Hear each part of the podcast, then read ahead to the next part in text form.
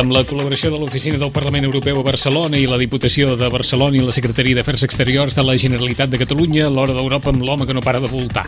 Joaquim Millan, bon dia, bona hora. Molt bon dia. No pares de voltar. Bé, Estem, estem d'acord o no? Sí, sí no, la veritat és que no? darrerament allò que diem els que ens dediquem a, a fer xerrades, formació, etc. vull dir, hem tingut un, unes últimes setmanes de bastants bolos. Eh? Eh, eh, Se'ns acaba l'any i aquest any, déu nhi eh? Sí, jo crec que ha sigut un any, bueno, encara no l'hem acabat, eh, però ha sigut un any com, complex a, a tots nivells i en l'àmbit europeu, com no, pues, també ho ha estat, entre altres coses, perquè, per exemple, una cosa que és bastant eh, és, és bastant poc eh, conegut per la gent, eh, a nivell europeu, poder a nivell més local eh, o més proper sí, que són s'aproven o s'aproven els pressupostos. Bueno, doncs a nivell europeu aquest tema ha passat bastant desapercebut per la gent, però no hem tingut els, els pressupostos aprovats fins fa una setmana, com mm -hmm. que diu, no? I per tant... Els de la Unió Europea, eh? Els de la Unió Europea per set anys, perquè el pressupost aquest que s'ha aprovat és el, els propers set anys. No ens imaginem això, eh? Clar, clar. Que aquí poguéssim arribar a aprovar clar, pressupostos clar. a set anys vista. Pues Suposo, anys però, sí. Joaquim, que després es deu modificar això es modifica, 50 no, 60 vegades. I, i a més, eh, no et pensis no tant, no tant a nivell gran, eh, a nivell petit sí, perquè evidentment com aquí, no? Ah. Però vull dir, s'aprova el paquet per 7 anys i després s'aproven les anualitats eh, de, de cada aquests 7 anys, no? Pues per no entrar en discussions que no acabarien mai. Però tot i així, la, la Unió Europea, que amb aquest tema pressupostari estàvem acostumats a tindre notícies en temps suficient i a mhm. planejar i a planificar i no sé què, eh, eh, bueno, aquesta vegada tot just també, perquè és els primers pressupostos que s'estan negociant els darrers temps amb una crisi europea de qui paga què, saps? Vull dir, això ha suposat un, una, una negociació duríssima fins, fins, fa, fins fa quatre dies no? que s'ha aprovat. No? Uh, uh, avui no pararíem segurament de temes en els quals ha influït la Unió Europea, uh -huh. des del de posicionament dels tribunals europeus sobre la doctrina Parot, Perfecte. O, per exemple, aquelles persones que van ocupar aquell bloc de pisos a Salt. A Salt, perfecte. O per, exemple, sí. o, per exemple, que la Unió Europea ha dit als bancs espanyols i al govern espanyol sobre on han anat a parar els diners dels bancs per exemple. I per què no han anat a parar crèdits per la ciutadania, no, sinó que han anat a parar a comprar deute. Exacte, exacte. I, i, I així és impossible reactivar l'economia, les petites etcètera. i mitjanes empreses... O, o, sigui que... o el tema Erasmus, que el tema Erasmus. aquí es va dir, eh, eh, el que s'està dient no és cert. -huh. És a dir, justament eh, un dels temes que s'aposta en aquests pressupostos i per això va, per primera vegada o feia temps que no jo veia que un comissari al moment donat rectifiqués un ministre d'un estat membre uh -huh. eh, i el va rectificar. I el va rectificar d'una manera contundent. contundent. contundent eh? Eh, tu preguntava perquè dona la sensació que eh, aquella, aquella Europa més o menys mal vista resulta que en qüestions fonamentals que després es poden discutir o no, eh, eh, està fent el que potser no s'està fent des d'aquí. Bueno, és que hi ha com aquella dita italiana que malgrat sembla que la cosa no vagi, va malgrat sembla que la Unió Europea tot això no acaba de funcionar, es fan coses. És a dir, una mica aquell doble pesant mm, de la mateixa moneda, no? Per una banda, tenim unes percepcions de que la Unió Europea, pues, amb, amb una crisi que hem tingut molt dura i encara tenim en alguns estats membres i, bueno, tenim problemes per poder tirar endavant, però estamos en ello. No ha donat el que pensaven que donaria. Sí, no ha estat contundent, no ha liderat, no ha tirat endavant el vaixell i per tant ens fiàvem que la Unió Europea ens trauria de la crisi poder de manera fàcil i no ha estat així, per molts motius que ja n'hem parlat moltes vegades aquí, mm -hmm. no cal ara tornar-ho a treure, i per tant hi ha hagut una decepció, i després a més una mica les polítiques aquestes que en diem, per resumir-ho també, d'austeritat en general, eh, sempre han vingut marcades amb la bandera europea, no? això Europa ens diu això, Europa tal, i, i això que ens diuen no ens agrada, no? i per tant també hi ha alguns països i a Espanya ho veiem amb l'eurobaròmetre, que és el, el que són les enquestes d'opinió, veiem com l'euroscepticisme o l'europessimisme a l'estat espanyol en aquests moments és evident, és, eh? és evident i claríssim, no? Eh, però en canvi, és el que dius tu, per altra banda, petits fets concrets que a més toquen aquells temes del nostre dia a dia com a ciutadans, no? Abans de, de parlar amb Susana Beltrán, una, una qüestió molt bàsica.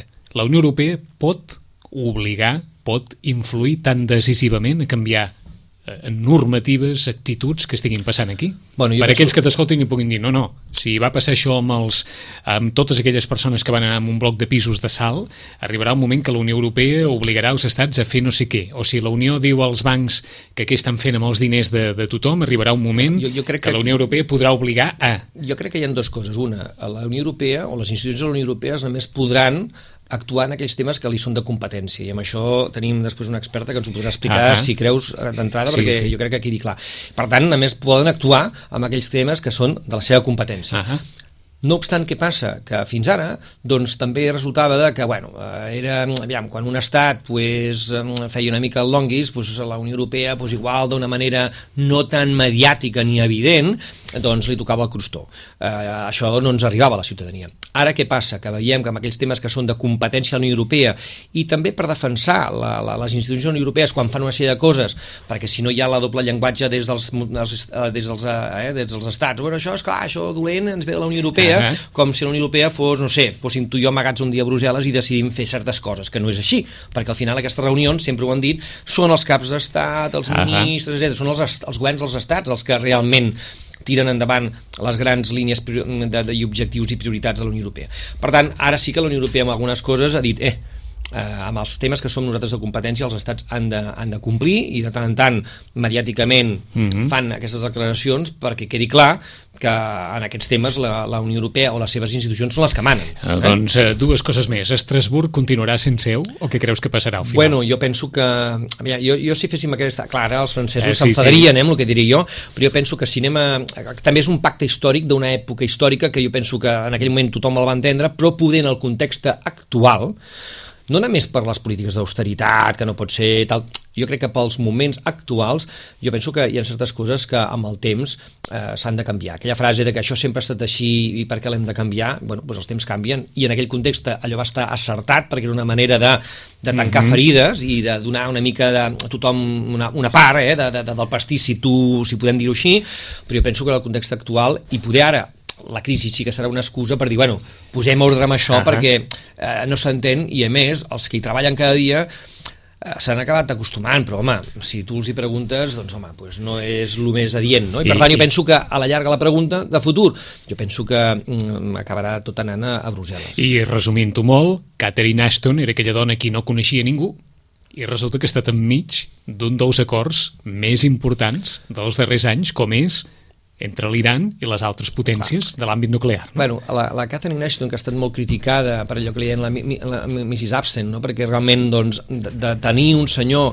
que era el, el senyor Solana, que era també eh, una mica, el, el veies cada dia, també perquè els mitjans de comunicació aquí, el ser espanyol, la traien més, però sí és cert que, vull dir, a menys, eh, a menys eh, eh, diguem-ne, eines, instruments i tot això, pues, possiblement perquè també tenia la necessitat de fer-se valdre, pues, escolta'm, eh, el seu càrrec i la seva, la seva missió doncs realment el tenia no. molt als mitjans de comunicació. I ho ha, fet, Apps, ho ha fet valer. Eh? Ho ha fet valer en aquell moment. I llavors doncs, ella poder va estar molt criticada al principi i tal, però eh, algú sempre deia que hem de deixar, els britànics també els hem de deixar fer perquè també, eh, vull dir, amb el temps veurem, no? I ara doncs, ens sorprèn que amb algunes qüestions sembla que, que realment doncs, eh, bueno, està fer valer també la seva, la, la, la, la seva funció i, i, per exemple, el desplegament i amb això acabo, del Servei Diplomàtic Europeu, que és una de les coses que hem donat posar en marxa el Tractat de Lisboa, doncs s'està produint i relativament s'està produint bastant bé, per tant, que també queda bastant desapercebut per la ciutadania. -huh.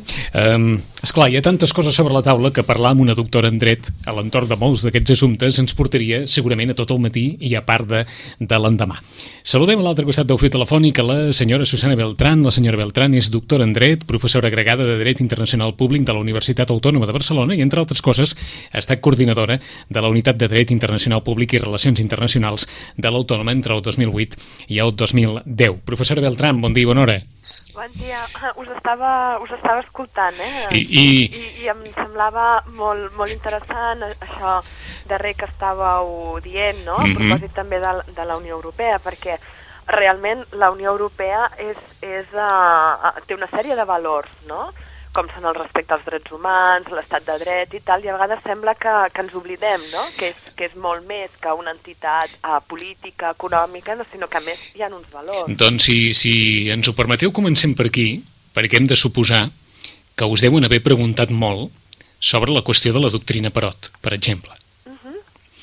I el paper de la Unió Europea i fins a quin punt els ciutadans poden eh, entendre que després de molt de temps aquella Unió Europea que veien tan lluny resulta que pot influir tant com per desmuntar allò que les institucions espanyoles o les institucions, els juristes i en el seu moment eh, emparats també pel, pel govern van posar en marxa.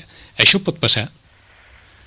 Um, bé, és que més, a, a, a veure, el tema de la doctrina Parot i del Tribunal Europeu dels Drets Humans mm, és, és, uh, és en l'àmbit de, del Consell d'Europa, no? És a dir, és una altra uh, organització uh -huh. internacional, no? I, I potser el que hauríem de tenir en compte és que el Tribunal Europeu dels Drets Humans eh, atén a demandes individuals no? sobre uns drets molt concrets que estan en el conveni. Mm -hmm. no? Mhm. Aleshores, eh, sí que s'ha produït que a propòsit no, de la demanda presentada per aquesta senyora contra l'estat espanyol, sí. eh, el, el Tribunal Europeu dels Drets Humans li ha donat la raó en, en aquelles qüestions que ella eh, presentava. No? És, és un, és un tribunal garantista de tots els drets de, mm -hmm. de les persones que han patit uh, vulneracions dels seus drets en, en qualsevol del territori dels, dels estats uh, parts. Membres de la Unió, no? Uh, uh, del Consell d'Europa. Del Consell d'Europa. Del Consell d'Europa, és a dir, que més dels països membres de la Unió Europea, doncs n'hi ha altres que no són membres, és a dir, el seu àmbit territorial són uns 47 ah. estats membres. Sí. Mm, ho expliquem d'una forma molt, molt simple, perquè qui ens estigui escoltant potser deu pensar, home, això vol dir que tothom que es trobi en una situació que cregui que vulnera els seus drets, pot apel·lar a aquest organisme? Sí. I tant. És a dir, des d'un poblet com Sitges de 20.000 habitants, jo em puc posar en contacte amb algú d'aquest organisme perquè atengui la meva petició si crec que se m'han vulnerat determinats drets? A, a veure, si, si estem parlant de, del Tribunal Europeu dels sí. Drets Humans, doncs eh, el millor que hauria de fer un ciutadà doncs, primer és posar-se en contacte amb un advocat mm -hmm. especialitzat en drets humans perquè hi ha tota una sèrie de requisits o de condicions que eh, fan que no puguis accedir al Tribunal Europeu dels Drets Humans fins que no s'hagin complert aquestes condicions i que són bastant exigents, no? com el fet de que hagis exaurit tots els... Uh, uh, mm -hmm. uh, tots els passos els intermitjos. Interns, no? l'àmbit del, del país europeu on s'ha produït aquesta violació, no necessàriament ha de ser o s'ha d'haver produït en el teu país de, de, de, on has nascut. D'acord, no? això no és tan fàcil com anar a l'oficina del síndic de Greuges, per exemple. Uh, no. No, hi ha tots uns passos intermitjos fins a arribar a aquestes instàncies. No, però eh? sí que és veritat que cada vegada més eh, la informació està a l'accés del ciutadà, no? És uh -huh. a dir, que ja eh, només entrant a la web uh, oficial del Consell d'Europa mm, ja, ja es poden llegir, doncs, uh, hi ha diferents documents, doncs, tots aquests requisits, no? I si qualsevol ciutadà, no? I ja que vostè doncs, feia referència a la, a la doctrina Perot, no? Sí. Doncs creu que això, no?, en alguns ciutadans els hi ha produït un greuge mm, uh -huh. important, no? Doncs, doncs bé, potser, potser també hi ha altres eines perquè aquests ciutadans, no, jurídicament, doncs també puguin parlar amb un advocat, també puguin presentar una sèrie de recursos uh, interns a l'estat mm -hmm. espanyol per, per, per aquest fet i eh, potser en el seu moment arribar a, al Tribunal Europeu dels Drets Humans ah. contra l'estat espanyol perquè eh, doncs ha produït això. Per eh, és, una, és una reflexió veu alta, però mm, fins a quin punt ho estarem judicialitzant massa tot o no? Home, a mi no, això no m'ho pot preguntar. No, no, us ho pregunto senzillament a una doctora en dret mm, mm, i, evidentment, coneixedora de molts processos que tenen a veure amb els drets i deures dels ciutadans. Sí. Eh, se li pot preguntar en veu alta, té la sensació que ho estem portant tot massa a, a l'àmbit eh, judicial i que moltes de les coses, o una part de les coses, les podríem resoldre d'una manera, vaja, sense haver d'anar eh, eh, al tribunal de torn? Um, és que jo crec que són àmbits diferents, no? Um, potser ara uh, parlem més de l'àmbit judicial i, i, i més en concret, que potser és el que més conec, no? l'àmbit judicial europeu, mm. perquè eh, hi ha més coneixement d'aquestes possibilitats. No? I a mi em sembla que això, per qualsevol ciutadà, és important saber que hi ha una sèrie d'eines que en un moment donat un ciutadà les pot fer servir. A mi em sembla que això és fonamental. Mm -hmm. Ara, és cert també que moltes vegades eh, temes jurídics hm, eh, s'hi barregen amb qüestions polítiques, no? Llavors les qüestions polítiques doncs tenen un altre àmbit. Uh Mhm. -huh. Però això jo crec que no, oh, no ha de fer oblidar que els ciutadans tenim una sèrie de drets que podem fer servir, sí. Mm, D'acord. Eh, sobre la taula, mm, un tema per conversar amb la, amb, amb la doctora Susana Beltrán, els drets dels ciutadans i la participació ciutadana a la Unió Europea. Posarem un referent, però és clar, no és estrictament Unió Europea. Bé, és un cas tan singular que de tan singular ha acabat apareixent als diaris com un exemple evident que dins d'Europa hi ha un lloc on els ciutadans es pregunta dia sí dia també sobre aquelles qüestions que els poden resultar eh, d'interès. Bé, el cas de Suïssa, que darrerament ha aparegut a les primeres pàgines dels diaris per aquella iniciativa que posava sobre la taula el regularitzar les diferències de sou que podia haver dins de, de les empreses entre els màxims responsables de les empreses i els treballadors eh, ras i, i curts, aquesta proporció de 12 a 1 que finalment els suïssos varen decidir que mm, no tenia raó d'existir i que per tant diguem-ne que no s'han de regularitzar els sous tal com es plantejava en aquesta proposta. Suïssa és un cas, no sé si dir, paradigmàtic, referencial de participació ciutadana? Um, sí, sí, Sí. I, i, exactament... Uh, a veure, potser això, no?, traslladat a l'àmbit de, de la Unió Europea, per exemple, tenim el que seria la, la iniciativa ciutadana europea, no?, que permet, per exemple, la possibilitat, eh, i a més això és una novetat no? de, de, de la darrera reforma del Tractat de la Unió Europea, és la possibilitat de que amb un milió de uh, signatures no? De ciutadans de la Unió Europea es pugui demanar a la comissió, es pugui sol·licitar a la comissió que, um, o sigui, que tingui en compte eh, aquesta petició per uh, proposar un, un acte legislatiu. Mm no? -hmm. Estaríem parlant, però, suposo, eh, doctora Beltran, de dues qüestions diferents. Una, el que seria més o menys equiparable a la iniciativa legislativa popular que tenim aquí, que és això, la recollida de, de signatures per avançar en una determinada proposta, i una altra, que els ciutadans siguin cridats d'una forma reiterada o constant a manifestar el seu posicionament sobre determinades qüestions. Sí, no? sí, sí, sí. Amb, això, amb això em referia, no? Uh -huh. perquè, perquè justament arrel de, del comentari que m'ha fet vostè sobre Suïssa, doncs una mica volia, volia parlar d'això, no? perquè a mi em desperta una, una reflexió. No? Doncs aquesta iniciativa ciutadana europea no és, uh, no és vinculant, no? és a dir, que uh, la comissió, mm, si s'han reunit tots els requisits, etc etc, eh, l'ha de tenir en compte i ha de donar el seu parer, però no està obligada a seguir-la. No? I, I, per exemple, ara eh, tenim una, una iniciativa ciutadana europea que um, ha reunit tots els requisits i que, per tant, ja està en tràmit no? de que la comissió dongui una resposta, que és uh, um, la iniciativa que es diu Un de nosaltres. No?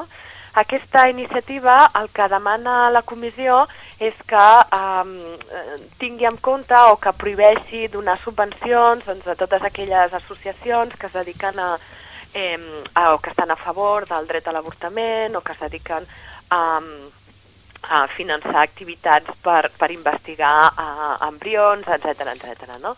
Aleshores, és, és un clar exemple de, de que si, eh, per exemple, eh, aquestes iniciatives ciutadanes europees fossin vinculants per la comissió i per tant les hagués de tenir en compte, Uh -huh. i, i alguns, per exemple, alguns autors doncs, han dit que perquè aquestes iniciatives ciutadanes europees funcionin haurien de ser vinculants i la comissió doncs, hauria de no, no només de tenir-les en compte, sinó eh, legislar o preparar un acte legislatiu en aquesta direcció, jo el problema que hi veig és que obligues el ciutadà Mm. eh, a estar en alerta, no? Perquè eh, us, poso, us poso aquest exemple justament perquè és una qüestió molt controvertida, no només a, en l'àmbit eh, eh, de la Unió Europea, sinó en l'àmbit intern de cada un dels estats de la Unió Mhm. Europea. L'avortament sí o l'avortament no és una qüestió que, que divideix a la societat, no? I que, i que cada vegada es fa palès aquesta divisió. Aleshores, mm, un ciutadà, doncs, a lo millor no ha sostingut aquesta iniciativa, potser no, no ho ha fet perquè eh, no té interès o perquè no s'han assabentat, sinó que a lo millor no l'ha sostingut perquè no hi està d'acord. Mm -hmm. On, on, perquè és clar, podem estirar del fil on acaba o on comença la responsabilitat del ciutadà i on acaba i on comença la responsabilitat del càrrec públic que ha estat en el seu moment escollit per la ciutadania i a qui la ciutadania li ha atorgat una responsabilitat per decidir sobre determinades coses. Com dèieu, eh, eh, esclar, allò, et torno la pilota quan tu abans me l'has donada a mi perquè decideixi i ara te la torno perquè tu puguis decidir sobre determinades coses. Eh, eh, eh, suposo que aquí rau bona part de, de, de l'èxit o no de, del procés. El ciutadà pot dir-li al polític, escolta, t'hem escollit perquè decideixis, no em tornis a preguntar a mi ara què decidiria jo si tu tens una responsabilitat que jo no tinc. No, jo suposo, jo suposo sí, que... És que, uh, és que jo crec que són coses uh, o són instruments uh, o complementaris, uh -huh. no? És a dir, la democràcia participativa, um, és a dir, la possibilitat de que el ciutadà doncs, pugui eh, utilitzar instruments que estan al seu abast per dirigir-se directament a les institucions europees, que a part de la iniciativa ciutadana europea n'hi ha altres, no, no ha de minvar o no és en detriment de la democràcia representativa, no? Mm -hmm. En, en l'àmbit de la Unió Europea, doncs en el Parlament Europeu. Jo crec que són coses eh, mm, molt compatibles i que s'haurien de reforçar en el futur, totes dues, no? Eh, ja està bé que hi hagin doncs, eh, els partits polítics en el si del Parlament Europeu que defensen una sèrie de postures i que els ciutadans eh, doncs els votem i, i, i amb això doncs, que facin la seva feina, no, diguéssim. Però al mateix temps potser hi ha qüestions que, que un ciutadà doncs, veu que els partits polítics, inclús el partit polític que el ciutadà ha votat, que no estan fent prou o que no han tingut prou de cura. No? Aleshores jo crec que també és molt important que el ciutadà s'activi en aquest sentit, no? I, i, I més sabent que ara tenim eines que podem utilitzar i fer veure, no només a la comissió, perquè l'exemple que li estava posant abans, no? de que eh, eh, aquesta iniciativa ciutadana europea es pot portar davant de la comissió, eh, és evident que um, si hi ha un miler de signatures o més de ciutadans que demanen una determinada cosa, això tampoc escapa a les altres institucions, no? Mm. És a dir, això tampoc escapa al Parlament Europeu o tampoc escapa al Consell de la Unió Europea, no? amb la qual cosa eh, jo crec que tot, tot suma, tot, tot ajuda a construir la Unió Europea i a mi em sembla que això és important. De totes maneres, jo volia mm, comentar que poder la, la doctora Beltrán el que volia dir en, abans era dir que no perquè s'hagi recollit amb el temps que toqui, requisits que toca un milió de signatures amb un tema concret com pot ser aquest, representa la majoria de l'opinió dels ciutadans europeus en un tema que llavors sí que seria una altra cosa. I podem un referèndum més, més fàcil saber on està aquesta majoria d'opinió pública de la ciutadania que amb una iniciativa i per això posava aquest exemple, dius, han recollit i per tant hauríem ara de legislar sobre això i igual resulta que eh, els que estiguessin eh, en contra farien una iniciativa ciutadana europea en un any, també recolliríem, estic segur, el millor de signatures o més, llavors ja tindríem una controvèrsia. No? Per tant, jo penso que, la, la, com deia molt bé ara ella, eh, són temes complementaris i s'han de poder en un moment donat tindre en context. I a banda, que la iniciativa ciutadana europea és tot just una cosa nova, que veurem el que dona de sí i segurament l'altre dia la pròpia doctora Beltran deia segurament això també tindrà un altre fet que es anirà creant opinió pública europea amb segons quins temes, no? que, que fins ara no teníem opinió pública amb temes generals d'interès general comú europeu. I fins a quin punt aquests eh, processos participatius han de ser molt poc influents, absolutament influents, o no?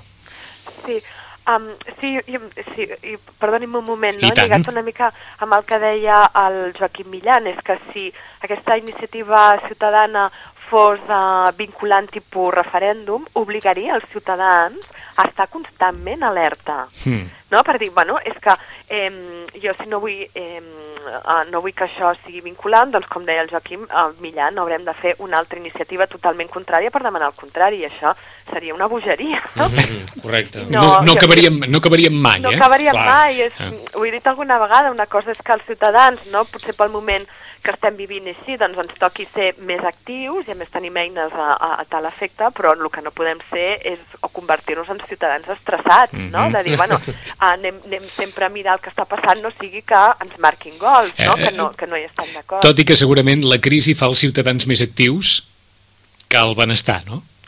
Uh, sí, però això mm, això jo crec que és important a l'hora de construir Unió Europea, no? És evident que una iniciativa ciutadana europea o, per exemple, que un ciutadà acudeixi al Parlament Europeu demanant eh, eh, una determinada qüestió que li afecta a ell personalment, etc., no canvia eh, a, a, a les decisions no?, que es prenen a la Unió Europea, però sí que és veritat que cada vegada més el ciutadà participa en aquest procés, no? Mm -hmm.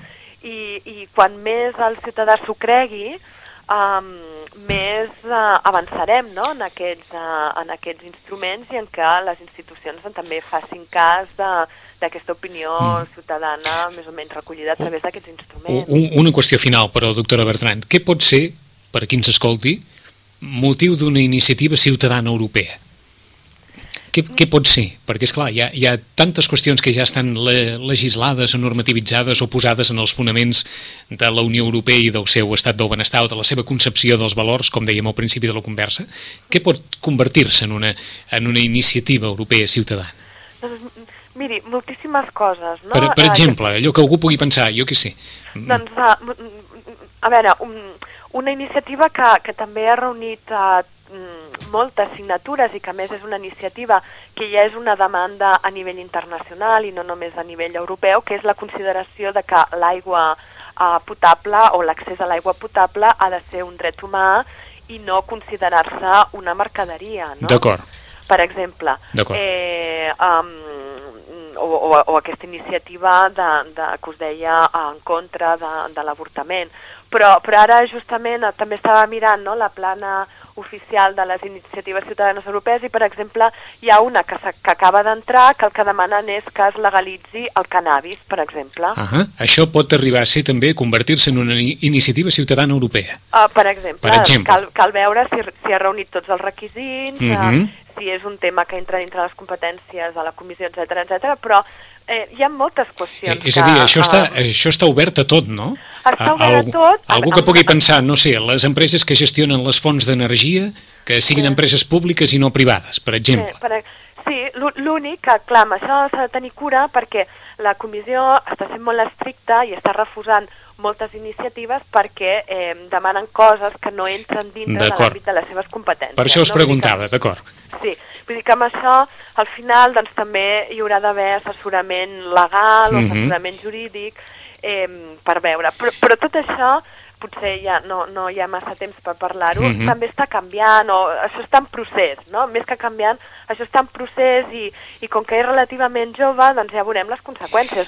Justament una de les iniciatives que van a refusar perquè dient que la comissió no tenia competències era una petició, una iniciativa que venia per part dels ciutadans grecs que el que demanaven era reformar els tractats de, uh, fundacionals de la Unió Europea per demanar que si un estat doncs, ha de pagar una deuta uh, considerable eh, i per tant això doncs, estava fent patir a, a la població doncs, que es pogués uh, invocar l'estat de necessitat o l'estat d'emergència uh mhm. -huh. i es pogués refusar el deute, no? perquè justament un dels valors és la solidaritat. És a dir, una, una quita a partir d'una situació sí. determinada. Sí, llavors aquesta a iniciativa va ser refusada per la comissió perquè la comissió va dir que ella no tenia competències mm. sobre aquest tema perquè quan es demana reformar els tractats uh, originaris, els tractats fundacionals, això no entra dintre de l'àmbit competencial de la comissió.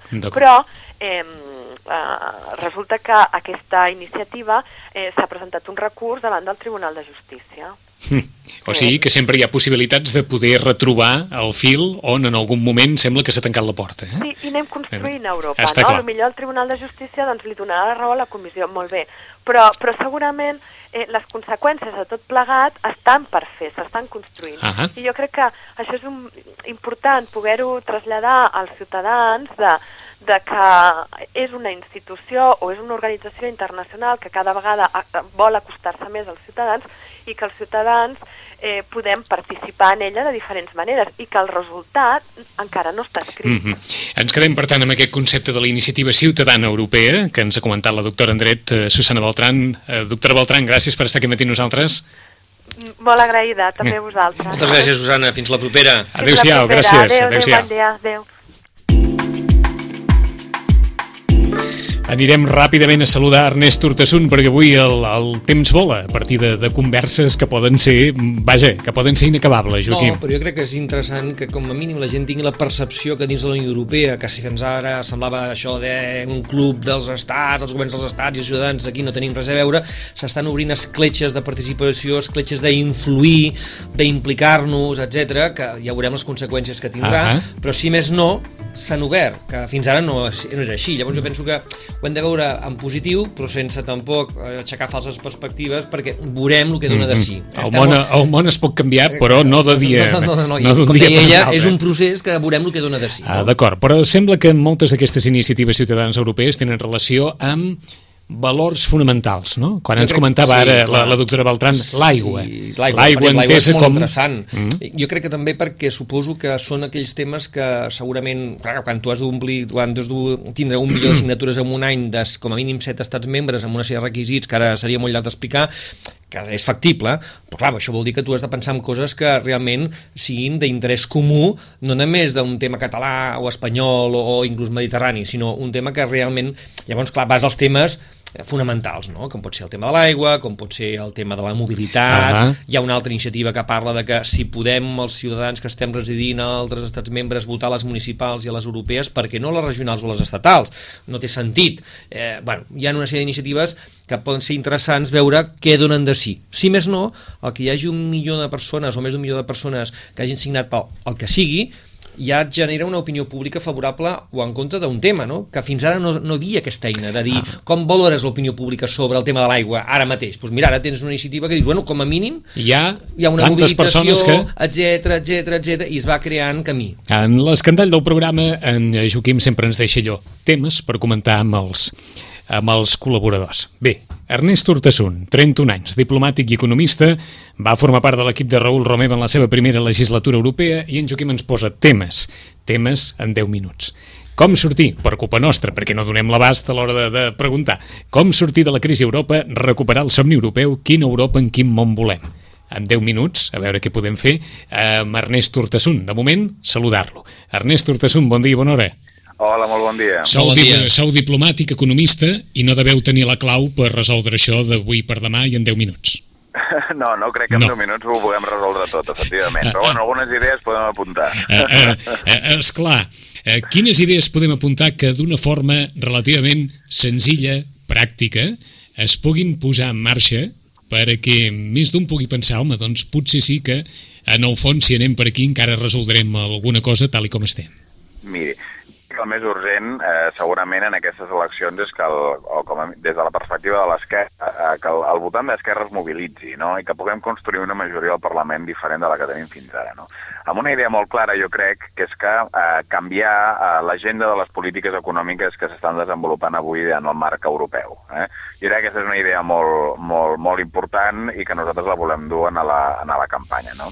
Eh, nosaltres volem trencar amb, la, amb aquest marc europeu d'austeritat, d'austericidi que hem vingut nosaltres a anomenar, que està ofegant la nostra economia i que està generant de, de pressió econòmica i atur. No? I això jo crec que al Parlament Europeu ho podem, ho podem batallar i ho podem fer. No?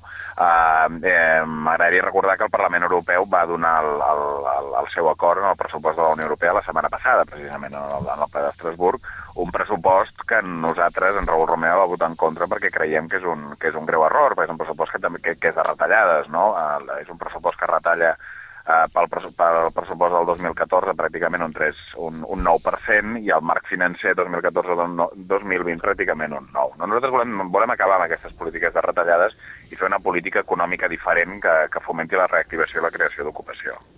Aquells que poden pensar, home, doncs encara gràcies d'Europa, que ens avisa que els bancs no estan fent el que haurien de fer o que ens diu, per exemple, que el que ha passat amb els que han ocupat aquell bloc de pisos de sal no és el que hauria de passar, encara gràcies?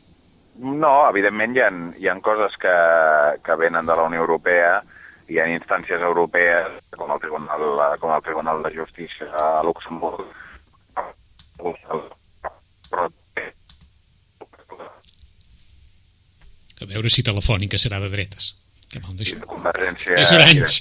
No, no, és que t'hem perdut, Hem, Ernest. hem, perdut, hem, hem perdut un moment, Ernest Hortasson, a veure si ara ho podem escoltar. Ara millor, ara millor, Ara ara sí, ara millor. sí, Ah. Ara millor. No, no, deia, deia Dic a veure si la, a veure que si l'operadora si l'operadora telefònica no compartirà el vostre discurs militant ara, eh? Sí, hi haurà, hi haurà potser- d'això, eh? Potser d'això. Potser, potser deu ser això. Pot ser no, això. lo- lo- lo que estava dient que, evidentment, nosaltres tenim un... A Europa ofereix un marc de garantia de drets, com el Tribunal de Justícia de Luxemburg, el Tribunal de, de Drets Humans, que, bueno, això és Consell d'Europa, però també és, també és una instància que protegeix els nostres drets, però també és veritat que, que en els darrers anys eh, moltes de les contrarreformes que ha impulsat el PP i també Convergència aquí a, en el nostre país també han sigut impulsades des d'Europa, no? Però això no perquè la Unió Europea s'hagi convertit en un ens maligne, sinó perquè hi ha una majoria conservadora a la Unió Europea. Nosaltres volem canviar-ho, això, no? Eh, per tant, eh, per exemple, per posar una, un exemple molt gràfic, no? El rescat bancari que nosaltres hem tingut de 40.000 milions d'euros, eh, impulsat per la, pel Banc Central Europeu, la Comissió Europea i el Fons Monetari Internacional, ha tingut condicionalitat macroeconòmica, no? I aquí el, part d'aquesta condicionalitat per aquest rescat bancari ha sigut, ha sigut eh, forçar la, la reforma laboral i la, i la reforma de pensions, que és una cosa que, que també ens ha demanat una Comissió Europea, avui en dia molt conservadora, ens ha demanat que fessin. No? Bé, nosaltres el que volem en aquestes europees és que la gent es mobilitzi voti molt, perquè la Unió Europea és molt important i volem que, que la Comissió Europea, en lloc d'exigir al govern de l'Estat que reformi les pensions en un sentit, en un sentit de retallar-les, faci un altre tipus de política. Eh, la gent es pot eh, mobilitzar, però que mm, no sé si teniu la sensació, no? És si està disposada a votar molt o si la classe política en general eh, està ara en una altra divisió de tots aquests moviments eh, civils que veuen, o així a, a grosso modo i d'una forma segurament eh, excessivament simplista, a, a la classe política com un obstacle per les seves reivindicacions. Jo crec que, que és veritat que hi ha distància entre cada cop més gran entre la, la, la política institucional i, la, i, el, i, els, i, i diguem, la ciutadania, els moviments. Això a Europa encara és més gran, no? i això hem de fer, hem de fer tots, eh, tots autocrítica. No? Però jo crec que és molt important a la gent que entengui una cosa en aquestes, eh, sobretot a l'electorat de dretes, no? Estem en unes eleccions, diguem en unes eleccions europees on l'electorat de dreta i l'electorat d'extrema dreta estarà molt mobilitzat. L'altre dia vam tenir la, la creació de la primera plataforma de partits d'extrema dreta que es volen presentar junts a les eleccions europees, eh, i això és una amenaça pel projecte europeu. És una amenaça perquè és una plataforma contra el projecte europeu i per desfer tots aquests eh, avenços que hem aconseguit a Europa en els darrers anys. No? I és molt important que l'electorat progressista i d'esquerres, el que vol, que vol una altra Europa, una altra Europa diferent, però també més Europa, mobilitzi perquè tinguem un Parlament Europeu eh, en favor d'una alternativa europea, no? i per, per, per tant frenar tots aquests moviments. És molt important que la gent ho entengui. Eh, des de- I, i per, i, i per Mhm. fer-ho fer sí que crec que serà molt important i nosaltres ho volem fer des d'iniciativa eh, treballar molt amb la gent que s'està mobilitzant. Eh? I això, això nosaltres ho estem treballant i ho volem fer. Um, heu intentat cercar les raons del per què neix una plataforma de partits d'extrema dreta? Si hem intentat buscar les raons, Mm. Per quines raons deu néixer una plataforma de partits d'extrema dreta o per què l'extrema dreta és ara, Miri, crec- o torna jo a ser crec- ara tan present quan feia anys que no ho era? Sí, jo crec que segurament a l'història europea, si mirem una mica el, el, el que ha passat en l'últim segle pràcticament, eh, quan hi ha hagut una greu crisi social i s'ha trencat el, el, el contracte social europeu és quan han aparegut els monstres a la Unió Europea. No? I nosaltres jo crec que estem en una situació en la qual eh, l'ofensiva neoliberal segurament ha trencat el contracte social eh, en gran part que nosaltres havíem aconseguit com a gran conquesta de, de ciutadana des de la postguerra. No? Avui estem en un escenari de retrocés de drets i de llibertats i en aquest escenari de tensió social és on apareixen els monstres. Jo, i, nosaltres aquí, jo, jo crec que aquí és on rau l'explicació de la presència de l'extrema dreta i nosaltres aquí volem, volem plantejar la necessitat de que aquest malestar el poder canalitzar l'esquerra com una opció per recuperar drets i com una opció pro-europea, no? No que això eh, ho pugui canalitzar partits que el que volen és destruir el projecte europeu. Eh, creieu que de cara a les eleccions de l'any que ve mm, pocs pensaran en això i molts pensaran en si les europees poden ser el baròmetre de el referèndum per l'any que ve? Nosaltres eh, creiem que de, en aquestes eleccions europees hem de parlar d'Europa. Europa és molt important i, i hem de parlar sobretot d'això, eh? de quins models d'Europa tenim, de com confrontem eh, models europeus. Eh, no, crec, no crec que sigui bo que nosaltres obviem el debat europeu per fer un debat eh, pròpiament català. És per, això, és per això que nosaltres no hem estat d'acord amb, la, amb aquesta proposta de fer una candidatura única. Això ens sembla un greu error, entre altres coses perquè el, el model d'Europa que defensa Convergència o que ha defensat l'eurodiputat Ramon, Ramon Tremós aquests anys no té res a veure amb el nostre i per tant no té cap sentit que nosaltres poguéssim anar junts en unes eleccions europees. Això no treu, evidentment, que el com defensarem el dret a decidir de, del poble de Catalunya al Parlament Europeu serà un tema de campanya i nosaltres aquí, que com ha sigut en Raül Romeva en aquests anys, serem molt, molt actius amb això. Eh? Però ha de ser una campanya en la qual parlem molt d'Europa, sobretot. Eh? Jo crec que això és molt important. Ara que ens feia una visió històrica, històricament la dreta sempre ha estat més unida que l'esquerra. Sí, sí, això malauradament ha sigut sempre així. Eh? I això és una, una cosa que nosaltres hem, hem, hem, hem volem, volem tallar perquè no, perquè no succeeixi eh? i dir-li a l'electorat d'esquerres que, que ha d'estar més unit que mai, però evidentment això ha de començar perquè els propis partits de l'esquerra estiguem units. Nosaltres estem treballant en, des de fa ja uns mesos en, en crear una, una gran aliança de partits d'esquerra i ecologistes a Europa per anar tots units a les eleccions europees. No bé, les llistes encara no, no, no es començaran a conformar fins al mes de gener o al febrer, però sí que és una política d'iniciativa treballar per la unitat. Una, eh, pregunta, una pregunta molt ràpida de Joaquim Millán. No, jo el que et volia dir res és que també és cert que a nivell europeu eh, les grans famílies eh, ideològiques també s'estan mobilitzant i jo crec que també és interessant abans que parlàvem amb la doctora Beltran de la participació ciutadana a nivell Ah, europeu, la sí, ICE, el dret de petició al Parlament, etc. Hi ha en les properes eleccions, com tu molt bé ens has emmarcat, i dir que eh, l'altre dia, no sé si m'agradaria que tu ara m'ho confirmessis, vaig veure que el, el, la, la família europea amb la qual vosaltres hi esteu, eh, eh, que és la dels Verds, etc, Sí. ja ha generat una pàgina web que pregunten als ciutadans del, que hi han quatre persones que, que serien una mica els quatre candidats que es proposarien